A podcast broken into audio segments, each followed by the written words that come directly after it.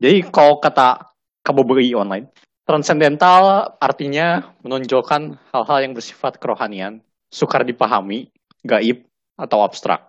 Nah, dari semua itu dipilihlah yang sukar dipahami ya. Justru karena ini tidak bersifat kerohanian jelas. Walaupun kalau mau mengerjakan dia tetap harus berdoa sih. ya betul, betul.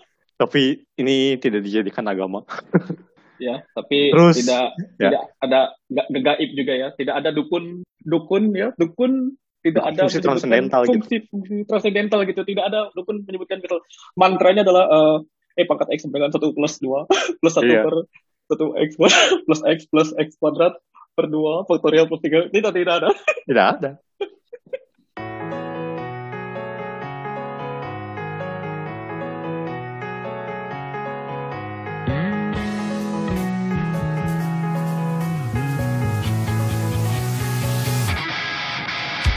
Selamat datang di podcast Bebas Linear. Di podcast ini kami membahas matematika dengan bebas namun masih berada di jalan lurus.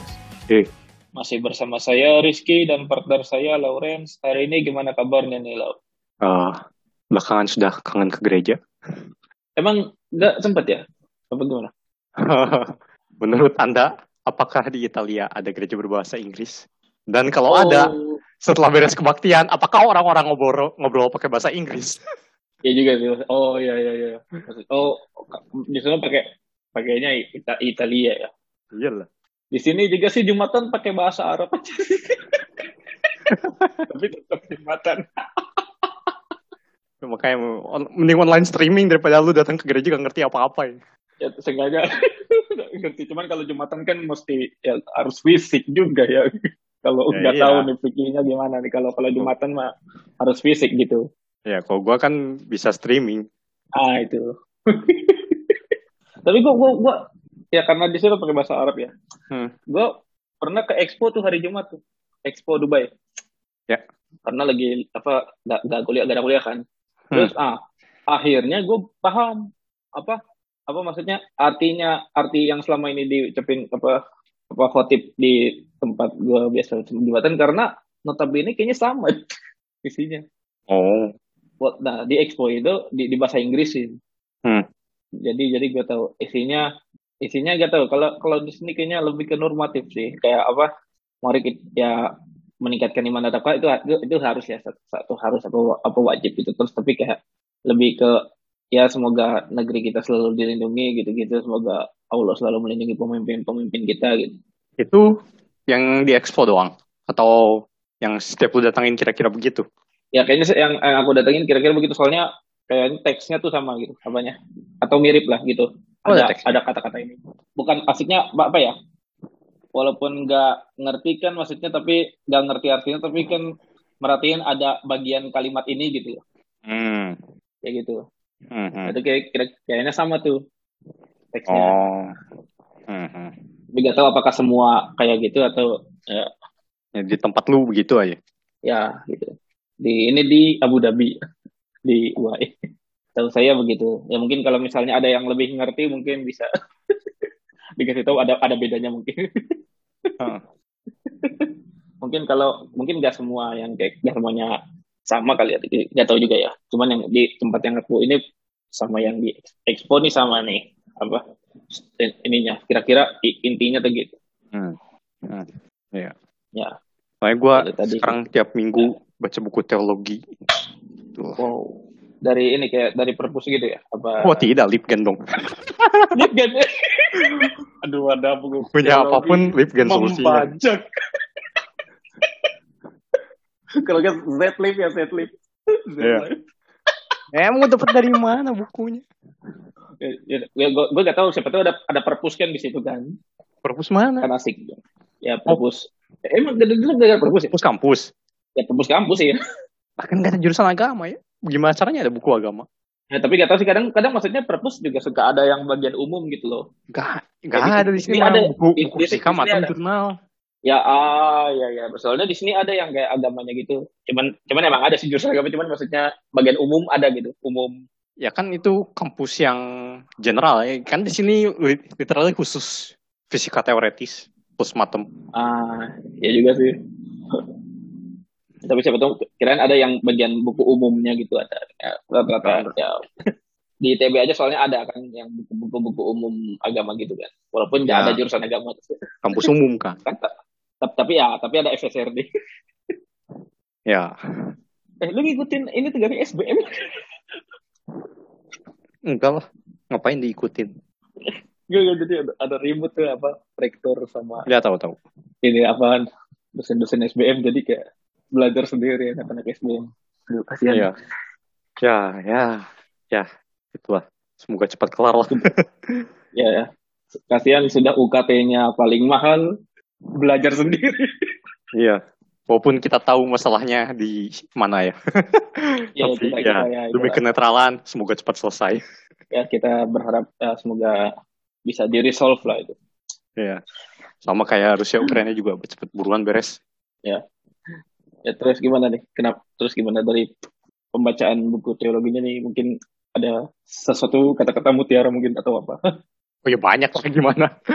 kan tiap dikit-dikit ngutip ayat Alkitab, tiap dikit ngutip ayat Alkitab ya. Oh iya juga sih. Ada temennya nggak gitu kayak baca apa belajarnya bareng gitu? Makanya gue bilang kenapa udah kangen ke gereja, gak ada temennya. Ah iya itu dia intinya ternyata. Intinya tuh itu sebenarnya. Kau buat khotbah doang mah, ya streaming juga jadi. Buat temen ngobrolnya, yang diskusinya kan Iya, butuh betul. orang.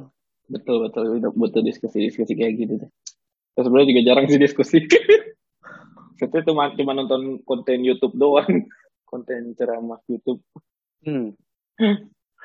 Ya, soalnya ya, ya jumatan di sini Arab Arab. ya terus ya gitu. Hmm. Hmm. Sebenarnya ada sih yang kayak kumpul-kumpul gitu, cuman gak tahu gua mungkin nanya ke Pak Hadi kali ya. Hmm, Di sini, Hadi suka tuh ikut yang kayak gitu-gitu tuh.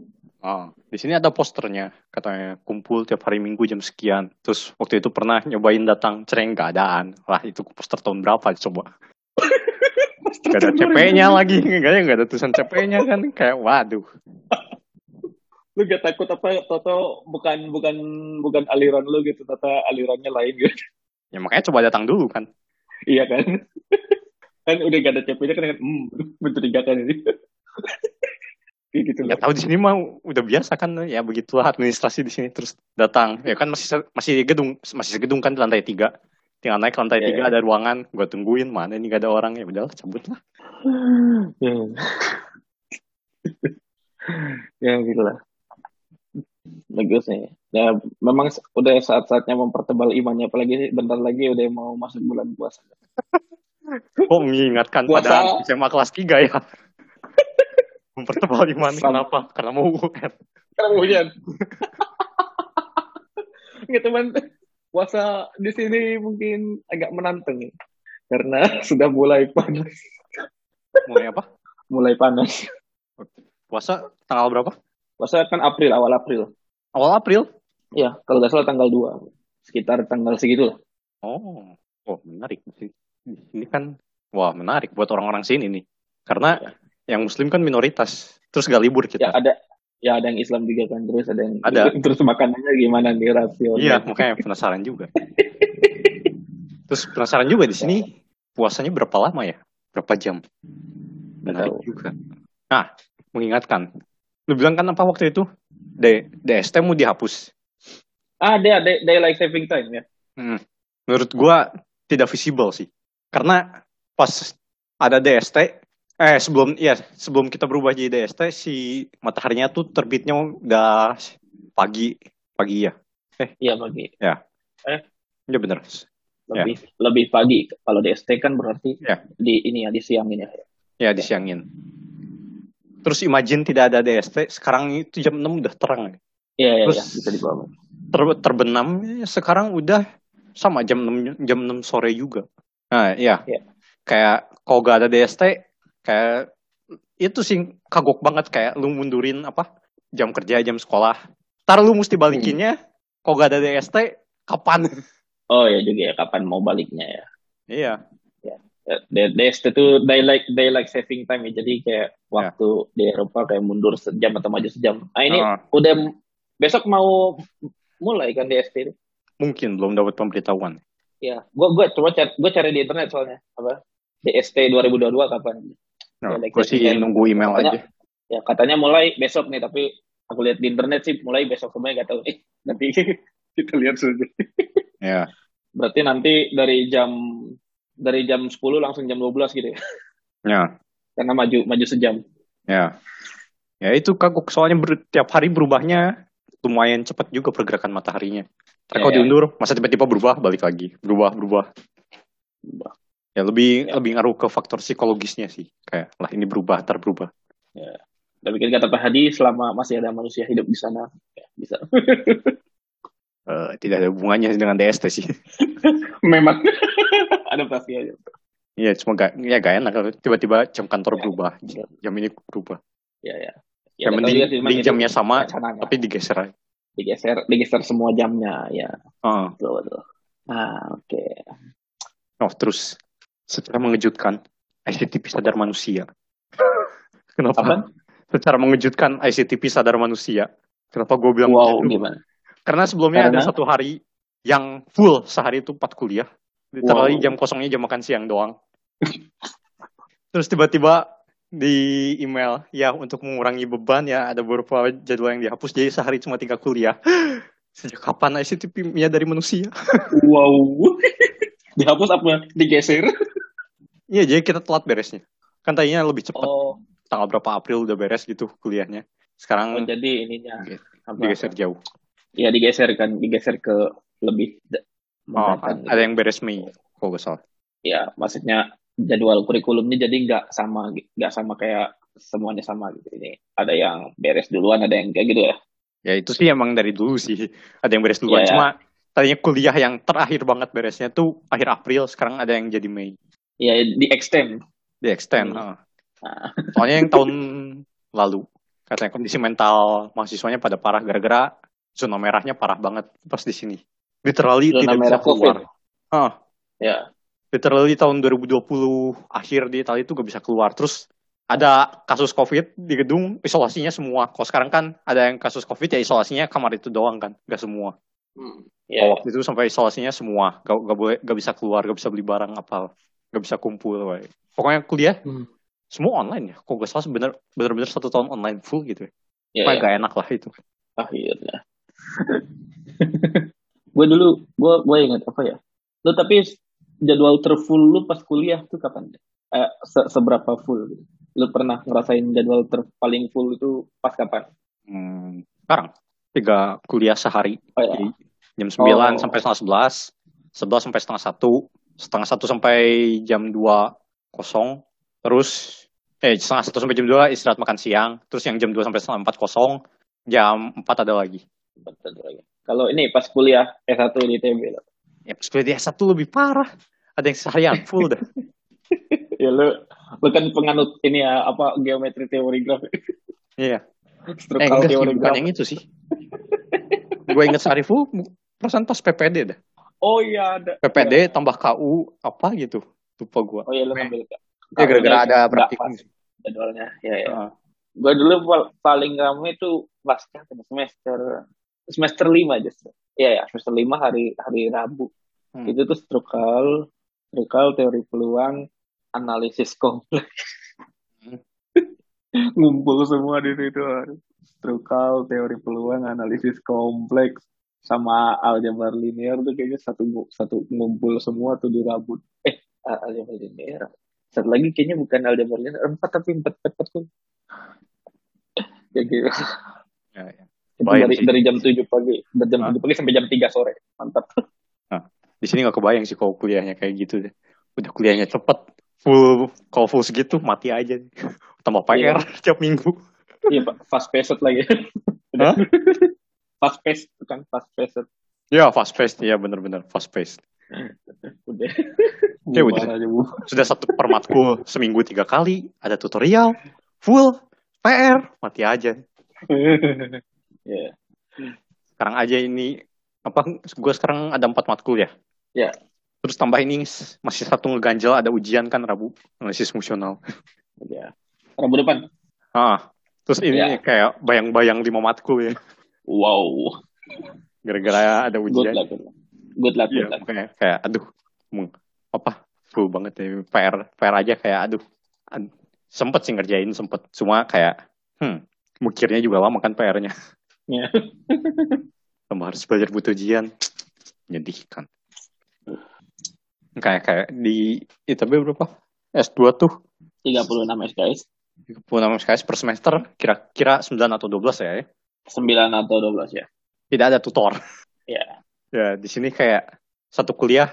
Oh bet- tiga SKS tuh berarti empat setengah jam ya? Oh no. 3 SKS. satu setengah jam. Enggak, enggak, tiga tiga S satu tiga SKS tuh kayaknya dua dua jam juga dua jam empat puluh kayak kayak apa Oh ya, empat jam lima- empat jam. 50 50 50 ya? 150 menit ya lah ya? kayak gitulah. Ya empat jam gitulah. Di sini? Tapi ya laksananya empat jam betul. Ya. tapi di sini di sini kenapa? Satu setengah jam kali tiga empat setengah jam kali empat Ah, matkul wow. eh empat setengah jam bagi 50 menit berapa coba? Empat setengah jam lagi lima puluh menit berarti empat Nah, empat anggap yang satu setengah jam. anggap satu setengah yang satu setengah jam dua kali 50 bentar ini. Berarti dua SKS ya sekali pertemuan? Iya, iya. berarti satu kuliah 6 SKS kali 4 24 dua puluh empat. Tambah tutor. Empat SKS tambah tutor. Tutor juga 2 kali 4 8 32 SKS ya mantap. Ya. Ya begitulah. Terus tambah materinya? Hmm. Ya begitulah. Terus ya itu sih. Kalau di ITB kan harapannya 9 SKS 12 SKS banyak belajar di luarnya kan. Soalnya satu SKS-nya 5 jam kan. Satu SKS-nya sebenarnya lima jam betul. Oh faktanya begitulah lah ya you know ya. Beres kuliah ya you know lah ya. Ngapain? Betul ya banting ya di sini literally gue ngerjain PR kadang sampai jam. 9 malam setengah 10 Ya. mantap, mantap mantap. Tapi sekarang sudah di titik mengerjakan soal bukan karena disuruh karena ketagihan. Ya kadang soal yang Oh, tidak di PR-in juga dikerjakan. Karena dikerjain ya. Ya ya. joy-nya udah mulai Hmm. kembali ya. Dan lebih dari yang sebelumnya. Bagus bagus. Tapi efek sampingnya berarti- capek sih beli koyo mulu. Ya ya. Ya pasti berarti ini ya berarti soal soalnya bagus dan insightful ya kalau kata lu waktu itu. Bagus dan insightful iya. Ya maksudnya kayak ada sesuatu yang baru oh lihat loh ini. Ternyata Ya. ini adalah kontra example untuk ini kayak gitu gitu tapi ada yang serem juga kayak apa satu soal pakai materi tiga bab. Hmm ya itu soalnya ini cara nge-solve-nya tuh harus pakai materi tiga bab gitu. Kan kalau biasanya yang soal-soal biasa kan materi ini oh ya dari bab ini, soal ini oh ya materinya dari bab ini. Ini satu soal pakai materi dari mana-mana. Mantap. itu berarti kayak ini kalau biasa kalau di buku-buku Springer dibintangin ya deh Ya benar. saya tahu itu benar sekali. soal soal bintang ya memang sudah mempersiapkan karena bisa bikin bintang tujuh ya alias pusing bikin kepalanya berbintang-bintang Bener-bener. Eh, terus lu tahu eh pernah des- dengar desas-desus buku Hartshorn tidak? buku buku apa? Nggak nggak, nggak pernah nih. Apa Nah. nih? Jadi finish Bu- ini kitab suci buku algebraic geometry. Pengarangnya Robin Hartshorn H A R T S H O R N E. Ya. Judulnya algebraic geometry. Kenapa buku legendaris? Karena kayak kalau lu mau research di algebraic geometry kayak ini buku kudu wajib bisa gitu kayak Hmm, ini iya. prasyarat paling minimalnya gitu. Tapi bukunya dense banget. Gitu. oh. Iya Kayak- iya. cuma lima bab panjang. Per bab juga panjang. Tapi kayak materi yang di cover bisa sangat-sangat banyak. Dan yang lebih pehulnya Eh, bentar. Kita cari hmm, nah ini. Bab 1 section 2 terus exercise 217 ada soal bintang you know soal bintang berarti lebih susah dari soal yang biasanya soal, soal susah ya soal susah ya ada soal double bintang oke apa itu soal double bintang open problem bagus Terus ini buku tahun 77. Terus gua cari kan, ini yang double bintang gimana ini? Cari tahu ya ada ya Ya, siapa tahu ada yang udah solve. Cari Mat Overflow. Terus ada yang ngepost 2020 masih open problem. Oke, siap. Jadi ini exercise. memang bintang bintangnya dua memang memang memang harus sampai bintang tujuh memang Iya. Ya begitu. Iya. Terus ya, tapi apa buku buku rujukannya bukan ini lecture lecture notes dosennya ya Hmm. materinya Ya. pakai apa ya pakai bahasanya mirip Harcon kayak bahasanya modern dalam tanda petik kan ada algebraic geometry yang jadul ini bahasanya mod- modern tapi lebih tidak dense dibanding Harcon terus Ah, tidak iya, iya. tidak bahas scheme cuma bahas variety Hmm. Oke, menarik, menarik. Ada lagi? enggak Udah ya. Coba ada yang mau saya bahas sedikit aja ini. Ya. Tentang eh, Liga Champions. oke Kalau yang lain sudah kayaknya sudah expected lah ya Man City ya lolos gitu. Udah, Ah. udah- karena leg pertamanya ada 5-0 juga terus eh, tapi gua kagetnya itu sih gak lapis-lapis dua banget ya ya ya wajar lah. Masih kalau sama Barca berani, juga kan. berani lapis dua ya kayaknya lapis dua City tidak sebagus itu Tapi sebenarnya lapis dua City juga maksudnya kayaknya City deh salah satu yang lapis duanya juga lumayan bagus tapi mungkin ya aku nggak terlalu ini juga sih. Tapi tapi kiper keduanya main, kiper ketiganya main. Ya tapi itu kan awalnya masih mulai saya Ya masih Ederson. Terus apa kabar Grealish? Sudah tidak pernah di line up lagi. Udah Grealish kasihan. Itu kan apa nyesel kan apa yang ada meme-nya itu tahu Messi gratis di Grealish itu dari klub mana sih? Gue aja baru tahu baru Aston. Villa dia. Aston Villa. dibeli? Nggak tahu. Itu juga saya bingung kenapa. Maksudnya kan City tuh butuhnya penyerang. Iya, Atau Grealish penyerang. Grealish tapi dia Grealish penyerang yang lebih ke sayap gitu, kiri sayap kiri gitu. Oh, oh, oh. Ya mungkin ya gak tau lah buat ya kan ada aja lah pengen nambah kedalaman gitu-gitu. Tapi ternyata ya belum terlalu sukses gitu. Hah. Terus ada ini juga apa Liverpool kalah ya satu kosong di leg kedua tapi leg pertama udah menang dua kosong jadi Ya, sedih. padahal bagus tuh Inter Dalam mengharap Inter. ya bisa ini ya masih sedikit kejutan tapi ya Liverpool masih ya salah satu yang Ya, paling kuat lah ya. Oh, kayak kalau dua-dua terus perpanjangan waktu, wah mantap sih. ya itu itu bakal seru sih. Itu kita bisa ngelihat mungkin bisa ada lawak-lawak lagi. Ya, terus Tapi Monaco, ya. Monaco, oh Monaco. Oh oh ya Monaco di ini itu. Bayern Monaco. Bayern Bayern Monaco. Leg pertama kan satu-satu tuh. Ya, terus udah di kandang mau, uh, udah lah. nah, nah tidak Terus, tidak ada ampun ya no mercy no mercy ya, terus selain di kandang, tahun barunya udah balik. iya ya New Year-nya Ah, Leg satu kan tidak ada tahun baru. oh iya ya tapi tapi sebenarnya ya itu fungsi kiper kedua di Bayern itu seperti tidak ada Terus kapten juga kan? Iya nggak sih? Iya kapten juga ya Ini ngaruh banget ternyata. Iya, Padahal memang. kiper loh. Kayak tidak terbayangkan wah ternyata sebe- sebesar itu pengaruhnya. Mm-mm. Terus satu lagi, aduh ngapain di comeback sih? Nah, kalau itu sudah kebiasaan memang PSG Ya, kalah 3-1 dari Real Madrid padahal di leg pertama menang 1-0. ya terus sebenarnya maksudnya kalau 0-1 Iya. dulu gitu. iya ya. Tapi sebenarnya to be fair maksudnya menang 0-1 tuh kayak masih agak open juga sih maksudnya ya masih apa? Masih agak open tapi kan Masih udah bisa. 1-0, 0-1 gitu kan. Iya. Kayak ke comeback pun 2-1 gitu. Iya dan dan nggak ada leg tandang juga eh nggak ada gol tandang juga. Kalau 2-1 tuh lanjut extra time. Enggak, kalau 2-1 kan menang gol tandang. Enggak enggak nggak ada gol tandang musim ini. Oh nggak ada? Udah Oh. udah diabolish. Oh, oh, oke. Jadi jadi bisa seri. Nah ya, mem- at least Harry lah comeback juga kayak udah 0-1, 3-1. Apa-apaan ini? Gak tahu. Ya, gak tahu kan PSG itu kan sebenarnya kayaknya sering banget di comeback guys. Heeh. Nah itu. Ini Dari- masalahnya mas masalah pelatihan. Backnya sih, backnya juga ada satu. back back masa nyalain back mat penyerang sebenarnya kan yang utama penjaga gak juga sih. Terakhir yang waktu lawan ya ini Saint Etienne. 3-1 tuh sama Di- siapa? Salah back blunder ya. oh iya sih gak tahu aku gak ngerti emang PSG ini ya back backnya juga suka aneh ya kayaknya gak pernah beli back yang serius gitu yang kayak Van Dijk gitu Emang gak ada back bagus gak sih di PSG juga? Depannya, Iya, maksudnya eh, iya. Tengah ke depan doang yang paling serem. Iya paling depan belakangnya tuh yang yang bagus kayaknya Marquinhos doang dan itu juga ya gak tahu Itu juga gak terlalu sih. selama ini nggak terlalu ya maksudnya nggak ada yang levelnya levelnya dunia gitu kayak Van Dijk Sebenarnya kan. Ramos kan dibelinya tujuannya buat itu Oh iya gitu? iya buat nambel belakang ya maksudnya ya biar Seenggaknya ada back Tapi kan sudah. Cuman kemarin kemarin main ya Enggak. nggak main ya. Nah, Ya itu salah juga. Kayak udah tahu Ramos tuh yang paling ngerti Madrid gitu ya. Mantan kapten nih. ya mungkin nggak tahu cedera enggak ya nggak tahu apa Gak tahu. emang out of tactic aja.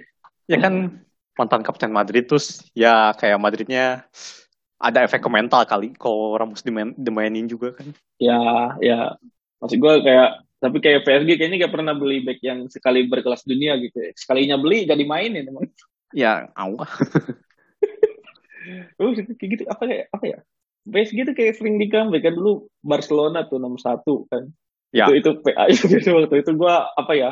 Itu so, apa si apa paginya tuh gua ngobrol tuh sama teman gua yang fans Barcelona yang dia juga kaget gitu kok ini loh kok udah tiga kosong terus di, di ngomong ngobrolnya di, di jeprut Ah.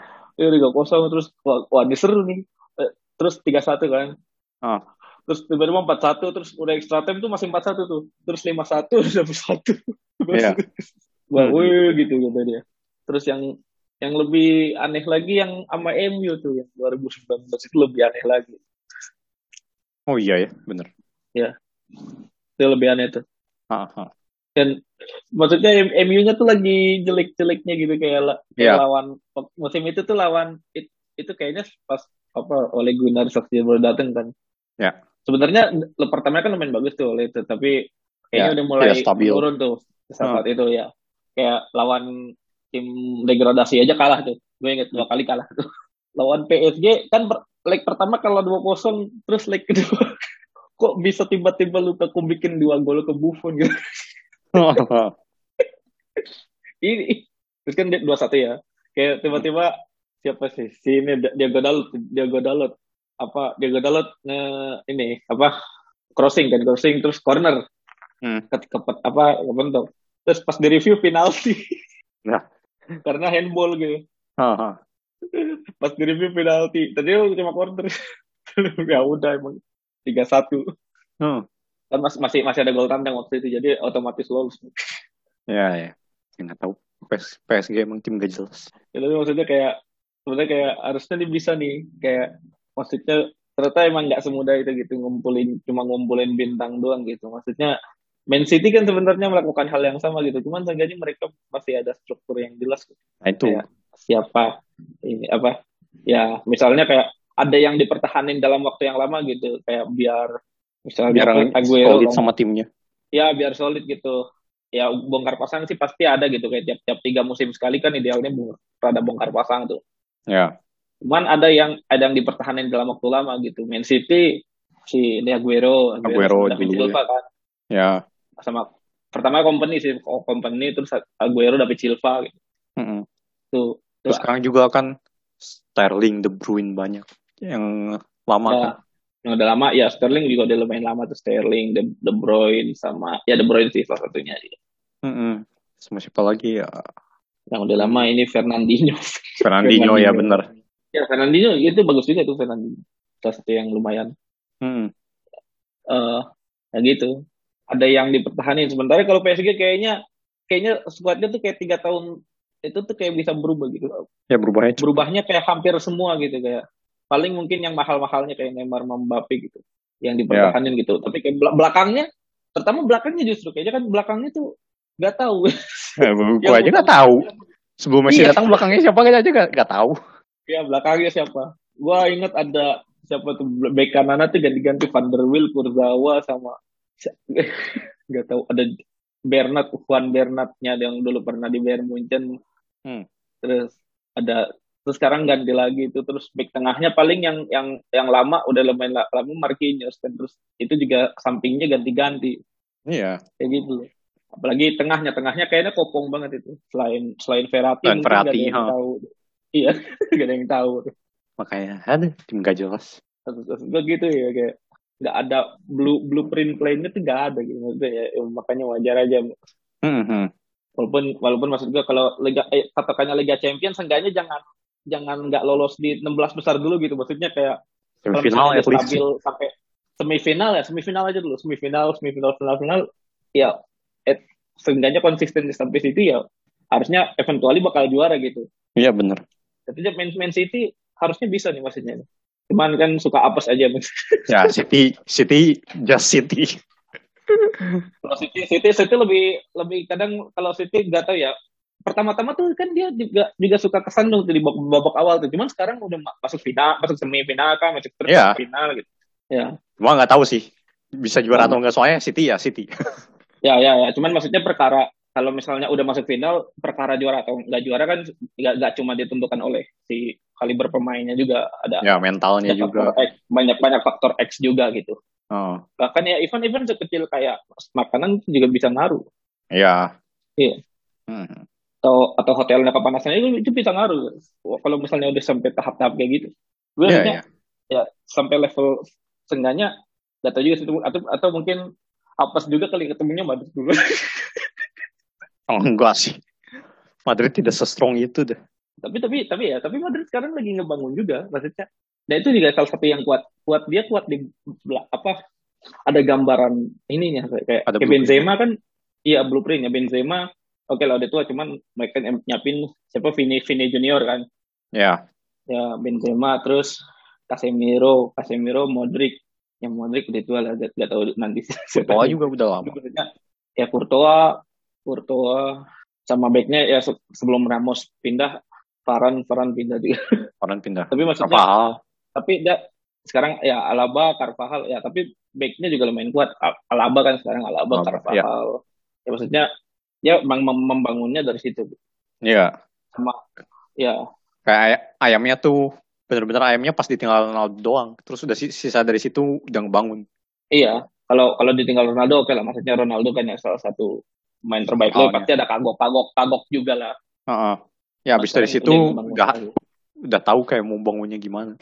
iya tinggal mungkin yang tua-tuanya diganti nih kayak Modric gitu ya Modricnya diganti nih mas nih gitu Mm-mm, Modric, Benzema juga bisa jadi sih. Cuma sekarang Ya. masih lebih tajam sih. Masih tajam kan. ya, ya cuman nggak tahu ya mungkin penyerang utama ya gak, gak harus muda-muda amat Lewandowski masih bagus Benzema masih Ya. Tapi seenggaknya Tapi yang mudanya belum ada bagus. yang muncul kan. Kayak Vinicius kayak Iya. digadang-gadang jadi belum. belum belum jadi belum Heeh. ya Bel Kebanyakan cedera. kasih tapi Bel itu ya sebenarnya tahu ya tapi se- seenggaknya dia dia ketika ketika Madridnya butuh tuh ada Hmm. bisa ngasih yang terbaik Sama sekarang juga Barca lagi ngebangun kan. Iya Barca juga sekarang sekarang mudah banget Barca uh, Oh iya, siapa iya kayak yang siapa yang tahu line up-nya gak ada tuh siapa Gavi ya Gavi. Ah, Nico sekarang yang paling terkenal Pedri gitu ya. ya Pedri ya Pedri, Frankie De Jong, Nico Gonzalez siapa Nico Gonzalez? siapa nih Iya kan. Ya tapi kerennya Cepat- Sofi Ronaldo. banget ya. ya ya tapi itu Keren. bagus tuh Gak nyang kayak lu bilang jangan-jangan Sofi kayak Kuman, oh, gue yakin Sofi gak kayak Kuman. Soalnya ya pas pas di game juga salah satu otaknya kan. Berarti Dan berarti ya maksudnya Ternyata benar. ya. Dari 10 ke 3. Wah iya itu keren sih. Terus juga kan waktu itu gue bilang lo nggak takut gitu kalau Safi cuma kayak kayak oleh Solskjaer gitu cuma legenda terus status legendanya luntur gitu oh ternyata oh bo- boleh lah dikasih Barca yang kayak gini dia bisa over Iya. over performing lah Iya. Tapi dikasih dikasih Barca yang lumayan gimana Iya. ya soalnya ya kelihatan lah pas jadi pas jadi pemain juga kan salah satu Hmm. otaknya terus tidak kayak Kuman pas diwawancara. Kuman so pede nggak jelas.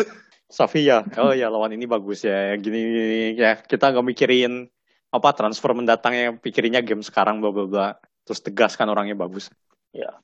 Kalau Kuman kan, ya ya, kita bisa menang bla bla bla ya. Terus setelah statement itu tidak pernah menang.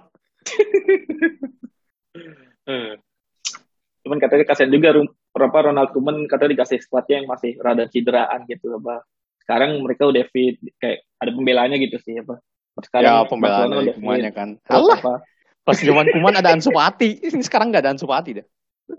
iya sih tapi masa untuk menggantikan harapan ke orang berusia 19 tahun eh 19 Udah Pedri. atau 18 ya Oh, ya Pedri sekarang jadi sama ya Pedri Pedri ya Pe ya, sekarang lebih jadi dah. Pe- Pedri, Frankie, siapa lagi sih yang muda? Ansu oh enggak siapa Ah, lagi ya Ansu, ini Ansu masih cedera. Ansu masih cedera si ini ya Gavi Gavi ya sama sama Safi jadi kan. Nico sama ini Araujo Araujo Oh, Oh, Araujo nggak tahu sih, belum. Nggak tahu udah jadi atau belum. Pokoknya minimal Pedri sama Frankie deh. Sama Kuman apaan dah. Iya, iya. Ya, di bawah Safi jadi dah. Tapi gue gue rasa tetap mereka harus beli back sih ya. gue.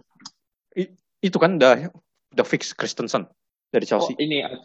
Ah, oh iya AC. Oh, Chelsea-nya juga lagi ini lagi lagi kasihan juga tuh Chelsea tuh. Oh ya bener. Makanya buruan Rusia Ukraina beres. Iya. Oke, ya itu dia maksudnya kayaknya selalu membangun tim yang backbone-nya itu juga penting gitu kayak ya kayak gua gua sering main main apa Master Liga juga bisa gitu. Ya gua, yang gua ganti agak semuanya gitu pasti cuma, cuma beberapa pemain tiap tiap bursa transfer ganti kan apa jual tapi tapi cuma beberapa Ya terus ya akhirnya Barca beli back. akhirnya. Sofi yang menyadarkan ini butuh back. Ya, emang emang emang dari dari zaman Um Titi tidak dipercaya lagi terus beli Le- Lenglet. Eh, Lenglet bukannya bareng udah ada pas Ung Titi ada ya? Iya iya maksudnya eh enggak duluan Um Titi so, baru Lenglet. No. Terus terus siapa lagi tuh? Firpo, Firpo sekarang di di Leeds. Hmm. Maksudnya itu. Ini salah satu yang penting back juga sih maksudnya kayak Wah, orang sekarang Vital, apa coy. menyadari iya vital itu. Sekarang makanya back mahal-mahal kan Van Dijk, Maguire, Ya, lihat aja kan. ya begitu. Liverpool tanpa Van Dijk sama sekarang Liverpool dengan Van Dijk jauh. Iya, benar benar benar. Dan dengan Van Dijk bisa ya itu kan apa kepingan terakhir sama, sama Alisson, sama Alisson juga. Oh iya ya, bener juga. Van Dijk sama Alisson. Kun- Salah satu kuncinya. Ah, Nggak, nggak, jadi gak mempan di ayam-ayamin tim-tim papan bawah kan sebelumnya kan kayak suka banget nih tiba-tiba kayak Watford gitu ngalahin Liverpool gitu. Beneran? iya iya. Kayak West Ham ngalahin Liverpool gitu. Terus tapi sekarang Oh, lawan tapi tim-tim sekarang West Ham bagus sih. Oh, tapi kalau kalau sekarang West Ham bagus betul. Iya. Sepakat. Oh, Oke. Aston Villa juga nih kan kipernya kiper Argen kan. Ya per Argentina betul. Nah, itu makanya dep- depan penting ya belakang juga tidak kalah pentingnya. Belakang penting. Tapi yang paling penting Coutinho tuh. Wih bagus coy. bagus Coutinho. Di Aston Villa kayaknya Ternyata. lumayan. ya. Ya, nggak tahu mungkin mungkin tidak terbebani ekspektasi ya kayak Aston Villa ya. Terus Kita katanya juga salah, kan dapat tawaran dari mana lagi gitu ada yang lebih bagus Ya. cuma katanya kenapa ke Aston Villa karena ada Gerrard karena ada ah, ya Steven Gerrard juga kan. Hmm. Ya. Eh, Steve- Steven Gerrard juga bagus nih di Aston Villa. nah ini Dia bagusnya adalah kan jadi ya sebelum Aston Villa di liga berapa sih di Liga Liga Skotlandia, iya. ya kan Di tidak tiba-tiba kayak Pirlo Betul betul. Kalau kalau itu aneh, kalau itu aneh. Kalau Pirlo Juve tiba-tiba itu aneh itu. Kalau kalau sebenarnya Steven Gerrard juga ada pembuktian. Iya makanya mestinya gitu mulai dari Jadi- yang kecil dulu kayak Safi kan dari yang kecil dulu di Qatar terus baru ke Barca Ya. Sama gue bilang itu masalah masalah di MU juga itu gue kira masalahnya itu juga tuh. Gak ada apa ininya apanya. Gak ada blueprint yang jelas. iya sih bener beli Ronaldo tuh Iya, tidak kan? jelas Ya itu itu sebenarnya kayaknya salah satu langkah mundur itu karena sebenarnya selama sebelumnya kayak kayak di bawah Ole tuh udah lumayan gitu. Maksudnya dia ya Bruno yang udah lumayan tuh Bruno udah bagus. Cuman tiba-tiba beli Ronaldo itu tuh out of mind gitu kayak. "Ah, iya kayak buat walaupun oke lah, lo mungkin butuh mental juara gitu-gitu, cuman kayaknya hmm, hmm, beberapa match bagus kan pertama-tama, eh tapi kok kok makin lama makin aneh gitu. khususnya Ya, tahun gitu. ini Iya, jebloknya tahun ini. Ya. kayak Maksud gua ya itu padahal padahal oleh oleh juga ada ada udah udah ada pembuktian kan sebelumnya di di Liga Norway tapi ya tapi seenggaknya ya udah ada karir sebelumnya gitu sebelum diangkat kan. Ya. tapi maksudnya itu kayaknya nggak nggak jangan-jangan dulu dia punya blueprint gitu terus tapi ya dikacau. Ya entah siapa yang mengusulkan untuk membeli ini aja terakhir nih. Pas Ya. lawan City gak dibawa kan? Iya ya makanya. Wah ya udahlah itu mah. Kare. tapi lawan Atletico ya sudahlah lihat aja. Tapi tapi itu bisa seru sih. Ya soalnya di kandang kan. Bisa seru. Ya. eh, tunggu hari ini lawan Tottenham gimana hasilnya oh ya ini ini kita kita belum belum belum lihat ini lawan Tottenham ini kayak tapi ya gak tahu ini lawan Tottenham Tottenhamnya ah belakangan ngegas nih Ya tapi ya tapi belakangan lagi bagus nih Kulusevski ya. iya Waduh, Kulusevski sama bahaya ini. perlu, perlu dilihat dulu hari ini kayak gimana Ya. Oke. kayaknya obrolan bola kita cukup kali ya. Wow, itu panjang. Udah panjang ini. Inilah kita langsung masuk ke bahasan utama aja lah ya. Ya.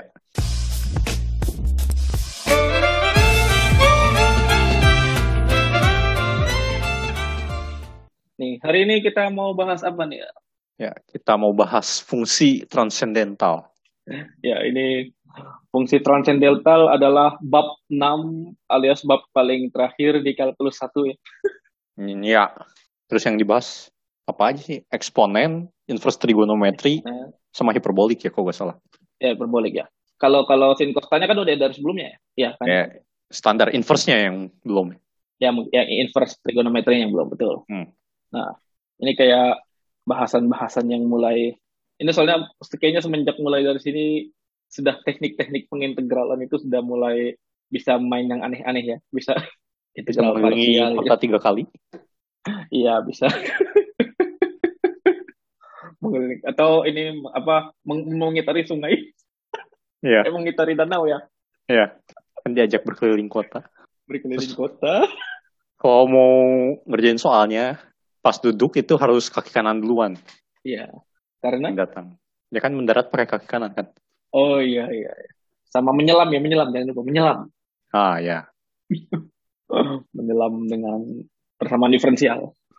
Ini tadi jadi jadi yang dibahas adalah soal-soal tipikal soal-soal cerita di ITB. tapi tapi justru justru bagus tuh soal-soal kayak gitu tuh. Jadi kayak walaupun itu biasanya bagian-bagian 3B ya itu bagian-bagian paling susahnya. Hmm. Tapi itu maksudnya seenggaknya tapi seenggaknya disajikan secara bertahap gitu. Jadi kayak pertama cari ini dulu, kedua dari hasil ini kita diminta apa gitu. Mhm. Ya, tapi kita akan bahas fungsi-fungsi transendental. Ya, tidak bahas teknik pengintegralannya.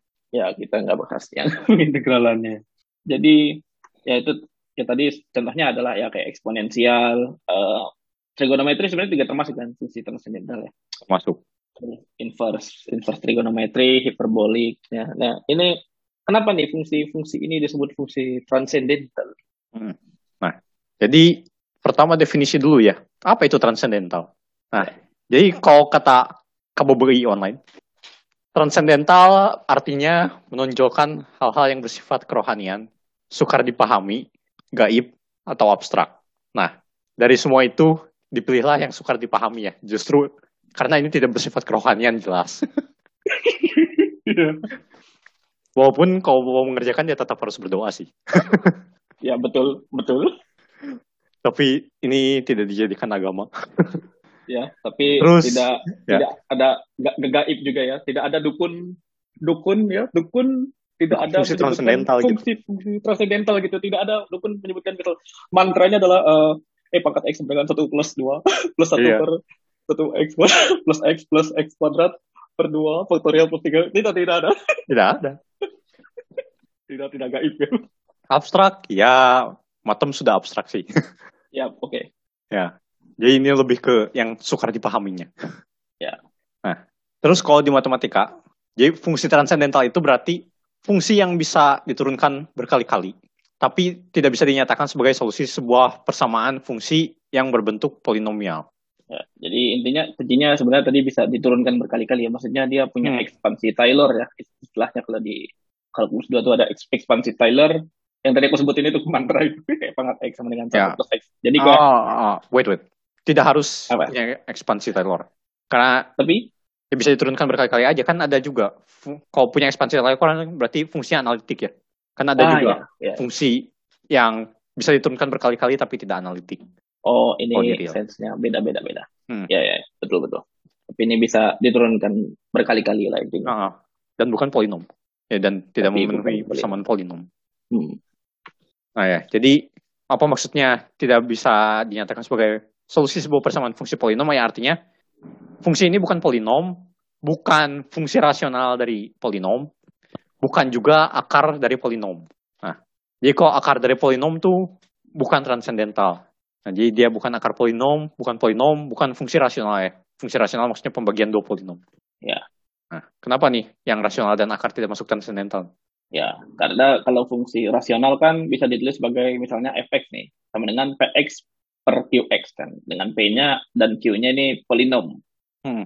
Nah, jadi bisa ditulis ulang sebagai fx sama eh, fx kali qx tambah px sama dengan 0. Nah, ini kan persamaan polinom, dalam fx ya. Ya. Ya. fx kali polinom tambah polinom sama dengan 0. Hmm. Lalu fungsi akar juga gak masuk karena eh, misalnya fx sama dengan akar fx. Jadi contohnya akar pangkat 2 bisa angkat akar pangkat berapa aja ya. Ya. Ini akar pangkat p akar, akar px adalah misalnya fx-nya akar px, p-nya polinom. Ini adalah solusi dari fx kuadrat sama dengan px. Jadi Hmm. polinom-polinom juga dia. Ya, jadi ini solusi persamaan fungsi yang bentuknya polinom. Mm-mm. Jadi ya kan kalau misalnya kalian pernah dengar apa kita pernah bahas tuh di episode-episode awal banget itu di episode 3 ada bilangan aljabar ada kalau di oh ya dari bilangan real dulu nih eh, dari bilangan real kan bisa dibagi jadi rasional dan irasional ya Ya. ya kan terus rasional itu adalah yang bisa dilihat sebagai P per Q terus P dan Q-nya bulat dan Q-nya tidak nol Hmm. irasional sendiri ini bisa dibagi lagi nih ternyata nih. Dan kalau irasional nggak bisa ditulis sebagai rasio ya tadi ya. Tapi Ya. irasional ini bisa di- dibagi lagi. Jadi ada aljabarik, ada transendental. Nah, Hmm.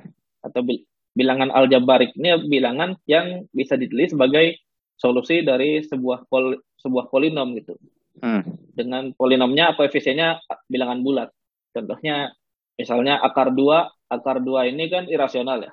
Hmm. Karena dia bisa tulis pakai paper key, ada kontradiksinya. Cuma kalau akar 2 ini kan bisa ditulis sebagai solusi dari x kuadrat eh, min 2 sama dengan 0.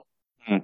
Nah, lalu nah, bilangan yang nggak bisa ditulis sebagai bilangan aljabar ini bilang disebut bilangan transenden kan. Hmm. Ya, P, E itu kan bilangan transendental. Nah, ini in the sense sama seperti fungsi transenden ini sama seperti bilangan transenden gitu. Jadi tidak bisa dinyatakan sebagai solusi sebuah persamaan fungsi dalam polinom. Hmm. Nah, ini fungsi-fungsi yang akan kita bahas nih, fungsi-fungsi transendental yang kira-kira kayak sering dipakai ya, di mana-mana dipakai. Hmm. Di engineering dipakai, di matematika sendiri dipakai gitu. Hmm. Atau penting ya, penting sehingga diberi nama lah sebenarnya fungsinya. Ya. Ya, Apa aja nih yang mau kita bahas nih, fungsi transendental? Hmm. Nah, yang pertama ada fungsi trigonometri. Ya, ini seperti yang sudah kita kenal sejak zaman purbakala. Jadi ya gak zaman purbakala amat ya di SMA sih kira-kira. Flintstone kali zaman purbakala. Nah, di SMA kan kita udah tahu ada namanya fungsi, eh bukan fungsi ya, kok di SMA. Setidaknya tahu sinus, kosinus, dan tangan lah, paling minimal ya. Dan lainnya ya, ya mungkin di SMA tidak segitunya terekspos kos apa eh eh eh eh, eh, kotangan, Kotangan sekan, kosekan. Ya. Ya. Ya, jadi minimalnya ya sinus, kosinus, tangan lah. Dan ini biasanya berkaitan dengan segitiga siku-siku gitu. Jadi kalau mau bayangin apa sinus biasanya sudutnya diambil dari sudut suatu segitiga siku-siku biasanya. Hmm. Nah, jadi contohnya kalau kita punya segitiga siku-siku ya seperti namanya segitiga siku-siku salah satu sudutnya 90 derajat. Terus theta adalah satu sudut lain yang bukan sudut 90 derajatnya. Nah, jadi sinus dari theta kalau kita belajar di SMA biasanya itu adalah panjang sisi depan si sudutnya dibagi sisi miring si sudutnya. Ya. Dia lihat sudutnya ngadep mana.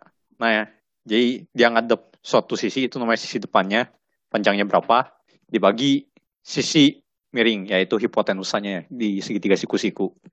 Ya ada apa kalau kosinus kan de- de- apa samping bermiring ya.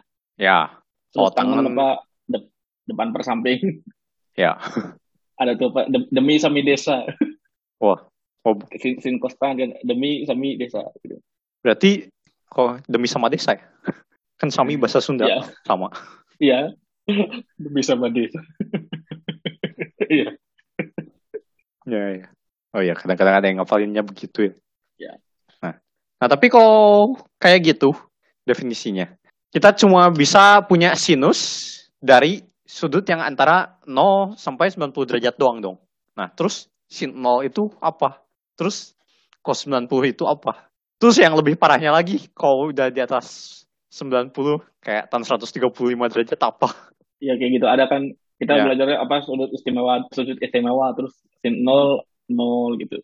Ya, Terus ada, ada apa pertem- pertidaksamaan sudut gitu apa yang kalau 90 plus ini tandanya apa itu? oh, film apa tuh 90 Tuh, plus? nggak nggak ya itu film orang tua ya. orang tua dong yang pakai gitu. Orang yang hidup 90 plus aja jarang. Iya ya. Kenapa maksudnya kayak kayak di SMA kayak kayak seolah-olah sebenarnya banyak gitu kayak rumusnya kayak apa kos 90 plus adalah apa gitu. Ya, ya, ya. Padahal sebenarnya bisa bisa ngapalin kos-kos sin-sin aja gitu.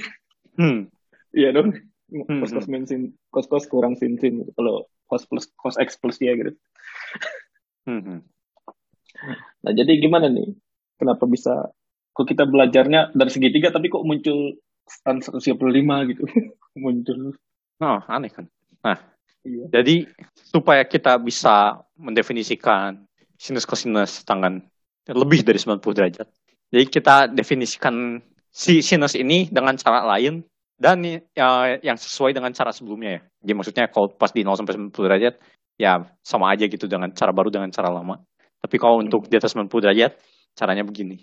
Jadi misal kita punya segmen garis yang dimulai dari titik 0,0 di koordinat kartesius bidang dan membentuk sumbu eh, membentuk sudut theta terhadap sumbu x positif, maka cos theta dan sin theta didefinisikan sebagai koordinat x dan koordinat y per potongan garis terhadap lingkaran satuan, yaitu lingkaran yang berpusat 00 dan berjari-jari satu-satu ya. Jadi si garisnya ya muta hingga juga gak masalah gitu panjangnya.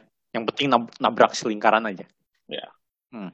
Nah, sekarang kalau dari definisi segitiga, kita seperti punya fungsi dua variabel. Nah, dari definisi ini, kita asumsikan sisi miringnya selalu satu. Jadi kan kalau yang di segitiga yang tadi, sisi miringnya bisa berapapun. Ya sebenarnya Ya. kan dari kesebangunan juga bisa diasumsikan sisi miringnya satu dua aja ya. Mm-mm. Jadi ini menye- menyederhanakan sisi miringnya selalu satu. Nah, tapi dengan begini, kita cuma bisa punya dari sinus kosinus tangan ini dari 0 sampai 360 derajat dong. Nah, terus kok bisa ada kayak sinus 720 derajat, sinus yang lebih Ya. besar lagi. Ya kalau masih pakai derajat itu ya, kalau pakai radian kayak udah sinus 100 pi gitu. Ya. Nah, itu gimana tuh? Kok bisa? Ya, jadi ya tadi udah di spoiler tuh. Jadi selain kalau sudut kan ya cuma ada di antara 0 sampai 360 ya. Atau Hmm. mungkin kalau misalnya ada yang ini mungkin dari min 180 sampai 180. mungkin kalau ada yang suka sudut minus. Iya. Ya.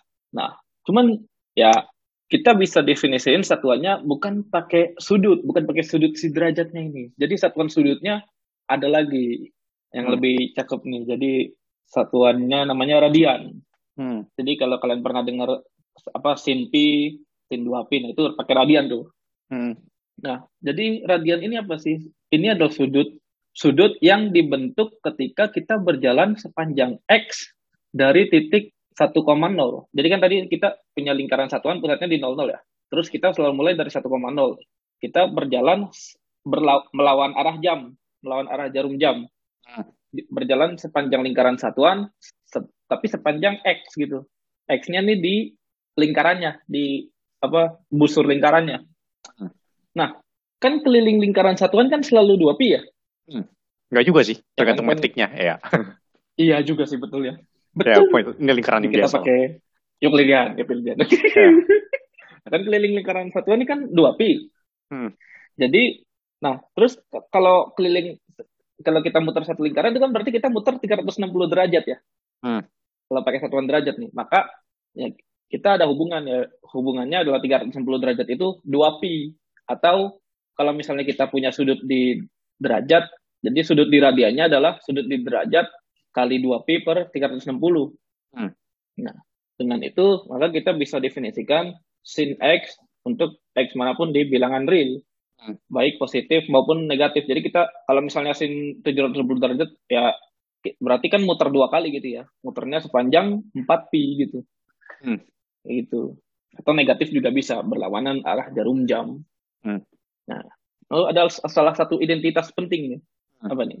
Nah, ya kayak identitas standar yang kita sudah tahu, yaitu sin kuadrat X tambah cos kuadrat X, apa pun X-nya, real, dan bahkan maupun kompleks, sama dengan satu.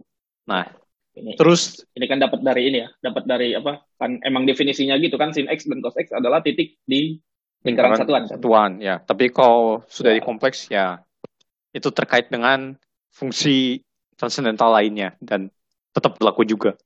Tetap berlaku. Nah, terus ya dari sini muncullah identitas-identitas lain kayak kalau kita bagi eh, kedua ruas dengan cos kuadrat x gitu. Jadi kita punya tan kuadrat x plus 1 sama dengan secant kuadrat x. Nah, ya walaupun si cos kan ada eh, titik-titik di mana cosnya 0. Nah, di situ juga ya kayak si tan itu tidak terdefinisi, sama sekannya juga tidak terdefinisi. Ya. Cuma ini kan cuma sebagai fungsi ya, kita gak lihat sebagai nilai. Jadi Ya.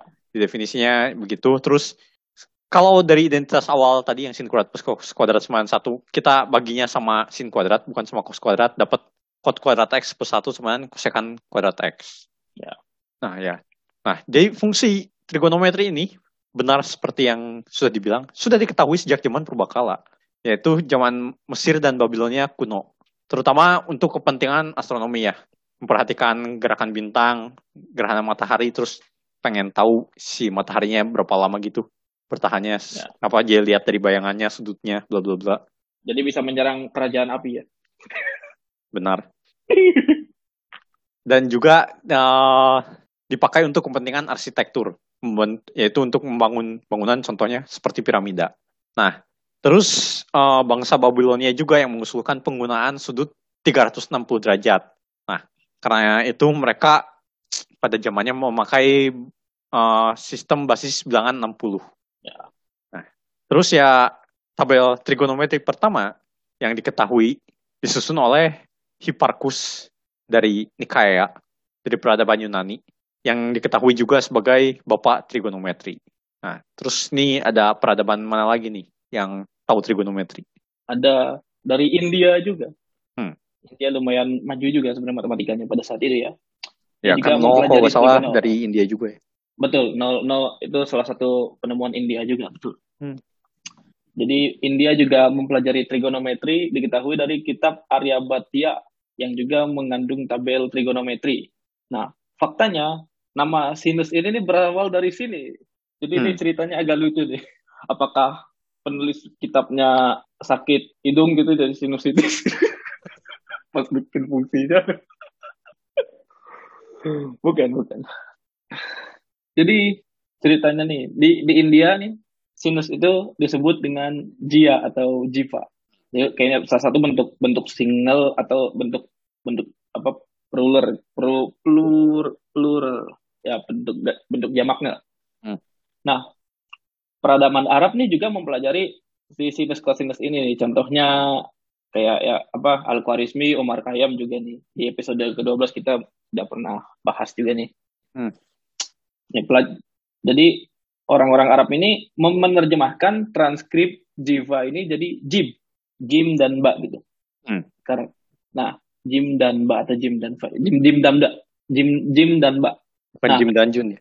Iya Jim dan Jimmy Wajini sih sebenarnya.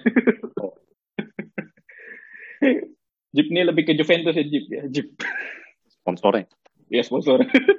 nah, bahasa Arab yang digunakan ini kan bahasa Arab gundul ya. Jadi kayak gak ada harokatnya kan kalau di Al-Qur'an kan ada tuh harokatnya, ada fathah, kasroh, doma gitu, ada a, a, i, u-nya gitu. Hmm. Kita bisa baca a, i, u-nya nah.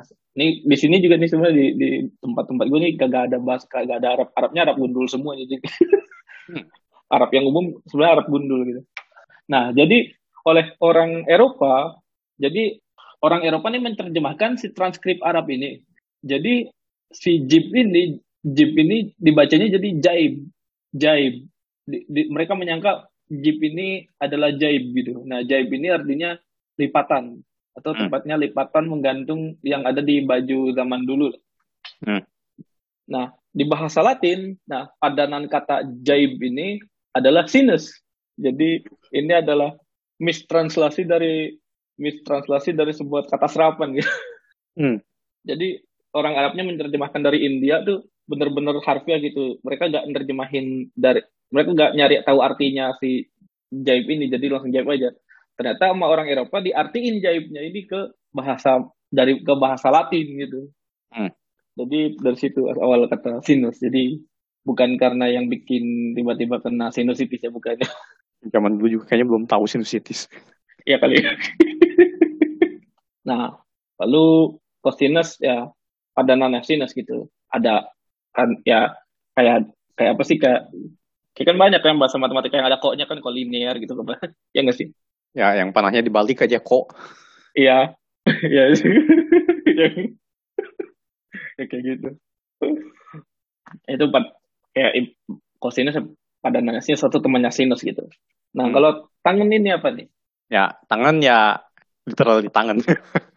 bukan bukan padanannya sinus dan kosinus, ya itu artinya menyinggung. Kayak tangent line, ya itu kan tangan, Ya. tangan ya bahasa kalau orang Indo kan tangan lini. tangan Nah. ini Jadi ya selain didefinisikan sebagai sinus dibagi kosinus, si tangan ini bisa didefinisikan juga sebagai panjang segmen garis singgung lingkaran di 1,0 yang menyentuh segmen garis yang membentuk sudut terhadap sumbu X positif. Nah, tapi eh kalau di 90 derajat, 180 derajat itu le- jadinya si tangannya bukan infinity ya, lebih tidak terdefinisi. Ya, ya. Karena limit kiri limit kanannya beda. Hmm. Kalau sekan artinya memotong. Ini berasal dari kata dissect. bukan ini asal katanya dissect juga kayaknya dari sini nih Ya ya. jadi dissect Kayaknya dari sini kata sekan Yang berasal dari panjang segmen garis yang memotong lingkaran. Sedangkan imbuhan ko ya you know lah ya. Artinya panahnya dibalik. Ya enggak, maksudnya komplementari. ya padanan kayak tadi Heeh. ya ada tambahan mungkin tentang sinus ini Udah. oke lanjut Nah, terus jadi Hmm, terus apa fungsi selanjutnya apa? fungsi selanjutnya adalah logaritma dan eksponen Nah, ini nih yang dipakai Ya. di sinus dan kosinus kalau kompleks. betul definisi sinusnya pakai e banget sih Hmm. jadi ya kan kalau di SMP kita udah pernah bela- belajar perpangkatan kayaknya dari SD udah ya perpangkatan gitu ya perpangkatan tapi logaritma kayaknya baru di SMA nih aku nih dapat nih Ya. Jadi ingat waktu dulu beli tab tabel logaritma pas SMP kelas 1 nah ngapain sih beli ginian? Koleksi aja. ya mungkin buat buat ya buat buat flexing bisa kolek sama buat koleksi. Ya. Ya perpangkatan ya yang di di SMP misalnya.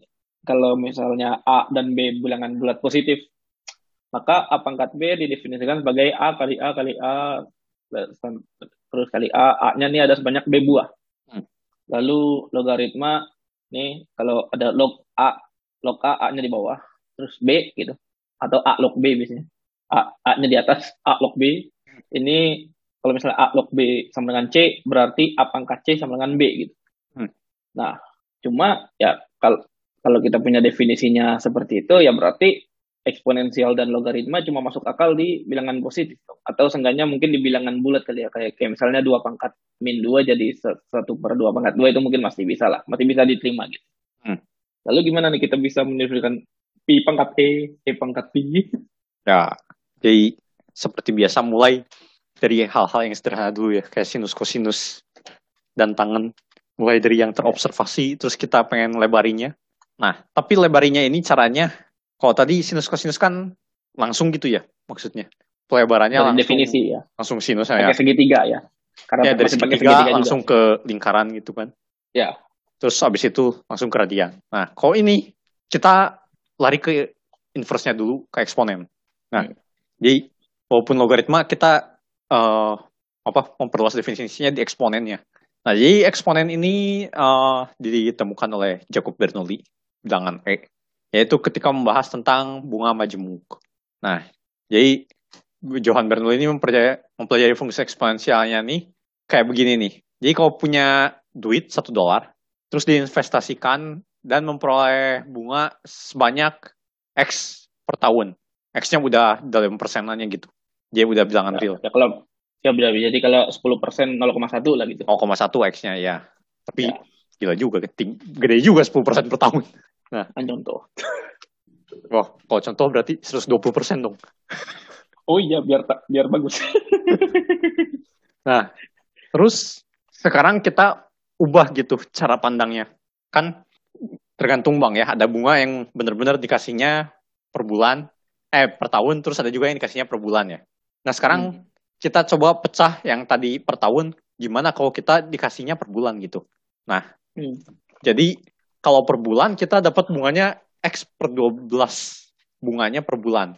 Ya kalau tadi ya. 10 persen per bulannya berarti 0,1 per 12 ya, 1 per 120. Ya. Dari uh, duit awal. Betul. Hmm. Nah, maka total uang yang diperoleh dalam satu tahun, nah kalau tadi bunganya cuma X per tahun, itu kan mestinya satu tambah X kali satu. Ya. ya. Jadi kalau tadi 0,1 bunganya atau 10 persen. Jadi setelah setahun cuma jadi jadinya 1,1. Tapi kalau jadi bunganya per bulan, dapatnya adalah uh, dalam kurung 1 tambah X per 12, terus itu dipangkatin 12. Ya, terus itu nah, lebih banyak ya? Lebih banyak, berubah kan. Soalnya ya. uh, tadinya uh, 1 berubah jadi 1,1, sekarang berubahnya pelan-pelan jadi 1, terus bulan selanjutnya 1 tambah 1 per 120. Terus selanjutnya ya. adalah 1 per 1, 1 tambah 1 per 120 dikali 1 per 120 terus itu ditambahin sama yang sebelumnya dan seterusnya. Ya. Ya, bisa dihitung pakai kalkulator, hasilnya ini lebih banyak dari yang per tahun. Betul. Nah, sekarang kita coba lagi. Kalau jadi per hari gimana? Nah, anggaplah satu tahun 365 hari. Jadi bukan tahun kabisat. Nah, bunga per harinya kan jadinya X per 365 ya? Ya. Dan setelah setahun, duit Anda berubah menjadi satu tambah X per 365 itu semua dikurungin, dipangkatin 365. Lebih banyak lagi daripada uh, bunga per bulan. Ya. Nah, tapi kadang juga dipakainya nggak 365, biasanya uh, 252 ya. Jadi itu adalah banyak hari kerja. Jadi kalau bukan hari kerja, bunganya libur. Iya. Mengingatkan pada aplikasi sini yang libur mengikuti jam kerja. Wow. Wow. Nah, sekarang kalau kita ganti 12 sama 365-nya sama sembarang bilangan asli dulu deh. Terus kita limit gitu. ya. Terus kita limitin gitu menuju tahingga gimana? Jadi kita lihatnya secara kontinu gitu. Nah, hmm. jadi maksudnya kita gak kita jadinya melimitkan uh, dalam kurung satu tambah x per n itu semua dipangkatin n dan yang dilimitkan jelas n-nya. Kalau yang dilimitkan x-nya saya senang. hmm lalu auto tahingga. Nah, yeah. jadi yang dilimitin n-nya menuju tahingga. Nah, limit ini selalu konvergen berapapun x-nya. Jadi x-nya bilangan real apa pun, bahkan maupun negatif juga uh, dia konvergen. Tapi nah, rugi sih kalau nabung dia negatif ya. Iya iya sih. Nah, oleh Euler, nilai ini diberi nama eksponensial dari x, jadi xp dalam kurung x dan bilangan X sendiri adalah nilai ketika X-nya sama dengan satu yang ditemukan oleh Jacob Bernoulli dan dipelajari juga oleh Johann Bernoulli. Ya. Nah, lalu bisa dibuktikan juga, walaupun rada kurang elementer ya, ini bahwa uh, eksponen dari X tambah Y sama dengan eksponen X kali eksponen Y. Nah, maka eksponen X ini adalah menjadi satu-satunya fungsi kontinu yang memenuhi persamaan fungsi f, f F buka kurung X plus Y tutup kurung sama dengan Fx kali Fy dengan F1 sama dengan E. Hmm. Nah, karena tadi sifatnya nih mirip nih sama pangkat nih. Kan dua dua pangkat dua A, A pangkat B tambah C kan sama dengan A pangkat B kali A pangkat C ya. Oh. Nah, ya kan? Kan kalau A pangkat B tambah C gitu. Ya hmm. Ya kan? Hmm. A pangkat B kali A pangkat C kan. Nah, ternyata sifat si eksponensial ini mirip sama sifat pangkat ya. Hmm. Maka karena itulah eksponensial dari X ini ditulis E pangkat. Ditulisnya E pangkat X. Hmm. Dengan E. E-nya tadi bilangan Euler karena eksponensial satu kan E gitu. Hmm. Sama seperti perpangkatan di bilangan biasa. Hmm. Lalu kalau logaritma nih gimana nih? Nah, jadi ada yang mendefinisikan kalau logaritma ini adalah uh, inverse fungsi eksponensial. Karena fungsi eksponensial kontinu dan monoton naik strict, jadi ya kita bisa bikin inverse-nya, tapi apa si inverse-nya cuma terdefinisi di bilangan real positif saja. Nah, tapi ada juga definisi lain yang tidak dari eksponensial, yaitu mendefinisikan log x atau sebenarnya ln x gitu. Cuma kalau di matematika yang sudah lebih lanjut, uh, ln itu ya log aja. Kok ada bas, kok ada basisnya selain e baru ditulis. Jadi kalau SMA ya, yang nggak yeah. ada basis itu basis 10, Nah, kalau di matematika yeah. yang lebih lanjut, kalau gak ada basis itu E. Ya. Yeah. Nah, jadi ln X ini adalah anti turunan dari 1 per X. Jadi, tapi integralnya dari 1 ya, dari 1 sampai X. Ya, dari 1 sampai X seperti TDT kan gitu kan. Ya. ya. Nah, tapi sebelum itu kita mundur dulu nih ke sejarah penggunaan logaritma. Gimana nih sejarahnya? Jadi konsep logaritma tadi sebenarnya sudah sama-sama tua juga. Seperti trigonometri sudah digunakan di peradaban Babilonia dan India juga. Namun istilah logaritma ini sendiri baru dicetuskan oleh John Napier dalam bukunya yang berjudul Description of the Wonderful Rule of Logarithm. Ini tahun 1614. Nah, logaritma berasal dari bahasa Yunani, yakni logos atau proporsi atau rasio dan aritmos atau bilangan. Hmm. Nah, Napier ini mencari solusi yang beliau sebut L dari N sama dengan 10 pangkat 7, buka kurung 1 kurang 10 pangkat min 7, tutup kurung pangkat L, untuk N dari 5 hingga sejuta. Nah, setelah itu berkembanglah metode hitung menggunakan logaritma, di antaranya dari slide rule, kalkulator yang menggunakan prinsip logaritmik yang dikembangkan oleh Edmund Gunter dan William Oughtred. Ini kita juga pernah bahas di episode 46. Dan juga tabel-tabel logaritma juga mulai ditemukan nih saat ini nih. Nah, logaritma yang biasa digunakan pada saat itu ya adalah logaritma basis 10. Ya, mungkin yang di, dikenali di SMA juga basis 10 kan. Yang lu beli basis 10 bukan? Betul. Hmm. nah, terus upaya untuk menemukan logaritma natural atau ln x ini berawal dari Gregoire de Saint Vincent dan Alphonse Antonio de Sarasa. Wah, yang meneliti tentang kuadratur hiperbola XY91 yang menghasilkan hiperbolik logaritm. Nah, terus notasinya adalah log X, tapi L-nya huruf kapital. Jadi kan log atau ln yang biasa semuanya huruf kecil. Nah, ini not yang ini notasinya L-nya huruf kapital. Di kompleks juga mirip ya. Ya, ada log, ada log, ada log gede itu ln ya. Ada log log sama dengan uh, ln tambah argumen kan. Ya, jadi lognya itu buat kompleks, yang loan-nya itu buat yang realnya. Ya. Nah, nah, tapi Euler sendiri mendefinisikan loan ini sebagai inverse dari eksponensial, dari x. Ya. Nah, terus sifatnya nah, apa nih? Lalu tadi setelah diteliti ternyata fungsi ini memenuhi ln dari x y sama dengan ln x tambah ln y. Jadi ini berkaitan juga nih dengan fungsi logaritma sebagai uh, logaritma yang biasa kayak tadi yang logaritma pasti 10 itu kan kita kalau di, dalam logaritmanya dikali itu bisa dikeluarin jadi penjumlahan kan. Hmm. Nah, ini juga nah sifat ini juga bisa diturunkan sebagai akibat dari sifat inverse terhadap eksponen juga kan. Hmm. Ya. Nah, lalu ini kita juga punya properti A pangkat B sama dengan eksponen buka kurung B ln A. Jadi E pangkat B ln A gitu. E pangkat B kali ln A ya sama dengan A pangkat B. Jadi kita bisa bikin seba ekspresi sebagai P pangkat E ini jadi make sense nih. Jadi P pangkat E itu kan berarti E pangkat E kali ln P. Gitu. Karena E pangkat ln-nya bisa masuk tuh, ya kan? Nah, logaritma ini juga ya jelas punya banyak aplikasi dong.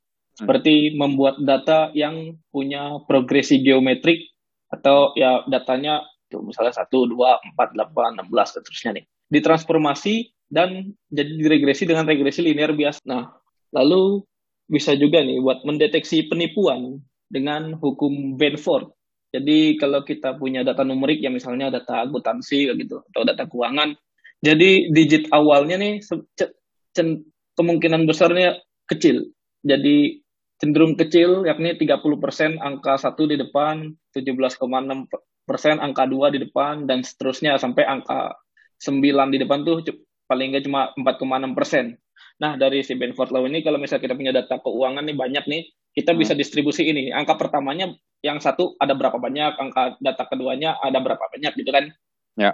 Yang yang pertamanya tiga ada berapa banyak sampai sampai sembilan. Nah, terus bisa dibikin histogram terus mendekati nggak nih sama si distribusinya Benford ini gitu. Jadi kayak kalau mencurigai ada penipuan itu bisa dipakai juga. Hmm. Apakah ini yang dipakai saat mendeteksi crazy rich? Bisa jadi. Oke, okay. ada yang mau ditambahin tadi dari fungsi logaritma? Tidak. Oke. Okay. Dan kita lanjut ke fungsi berikutnya. Fungsi apa nih? Ya, ini fungsi terakhir episode ini kita sambung di episode berikutnya. Jadi fungsi hiperbola kayak yang tadi sebut. Kan tadi ada fung, apa yang dipelajari di kalkulus salah satunya fungsi hiperbolik. Nah, hmm. jadi hiperbola tuh apa? Hiperbola ya hiperbola Ya, persamaannya bentuknya yang sederhana adalah x kuadrat min y kuadrat sama 1. Tapi ya bisa juga si satunya diganti yang lain, terus x kuadratnya diganti x kuadrat per a kuadrat gitu. Y kuadratnya y kuadrat per b kuadrat, dan lainnya.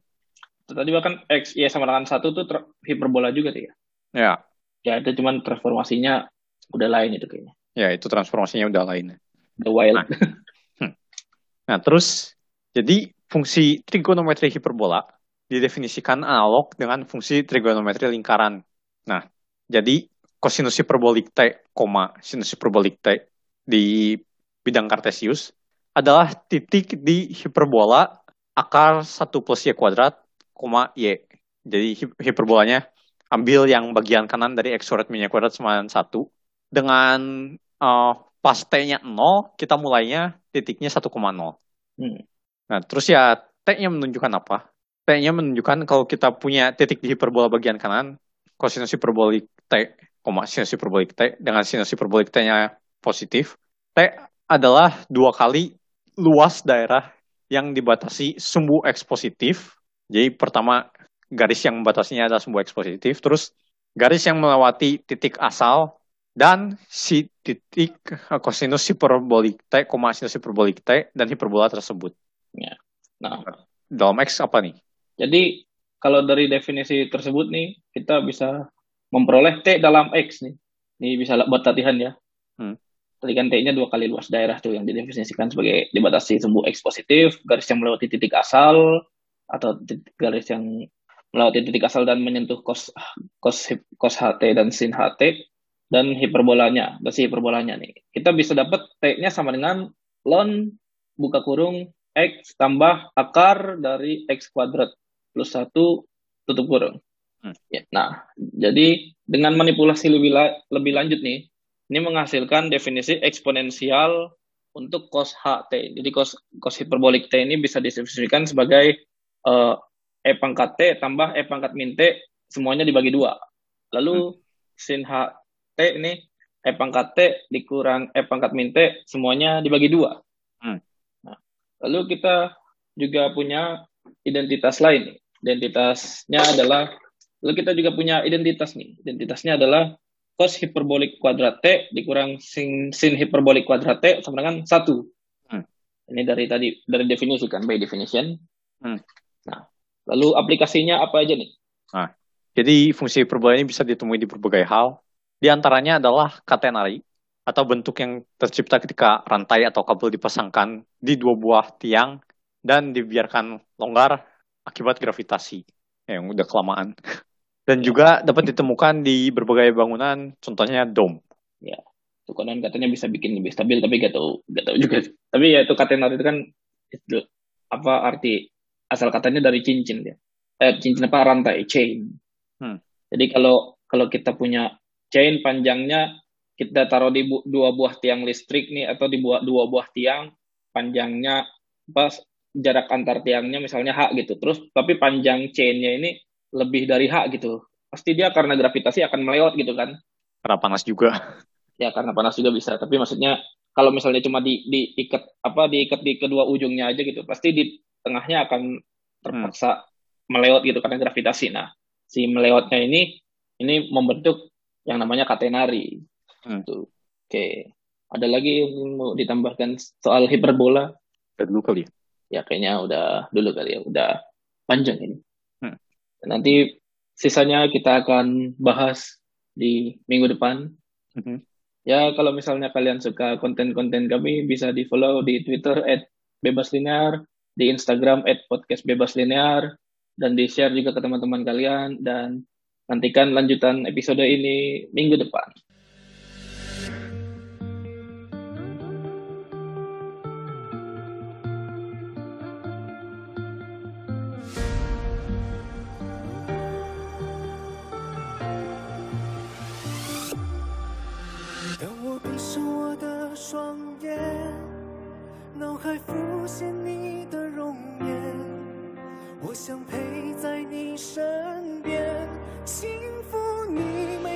的脸。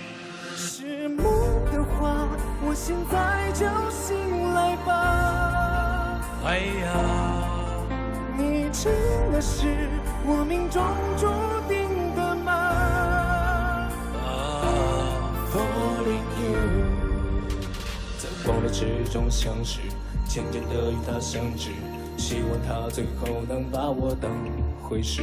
我以为我没消失，也可以与他的相知，结果我对真相一无所知。Stay with me，别让我在夜晚独自哭泣。Stay with me，到底谁才是真正的你？兄弟，被骗了多少？八千？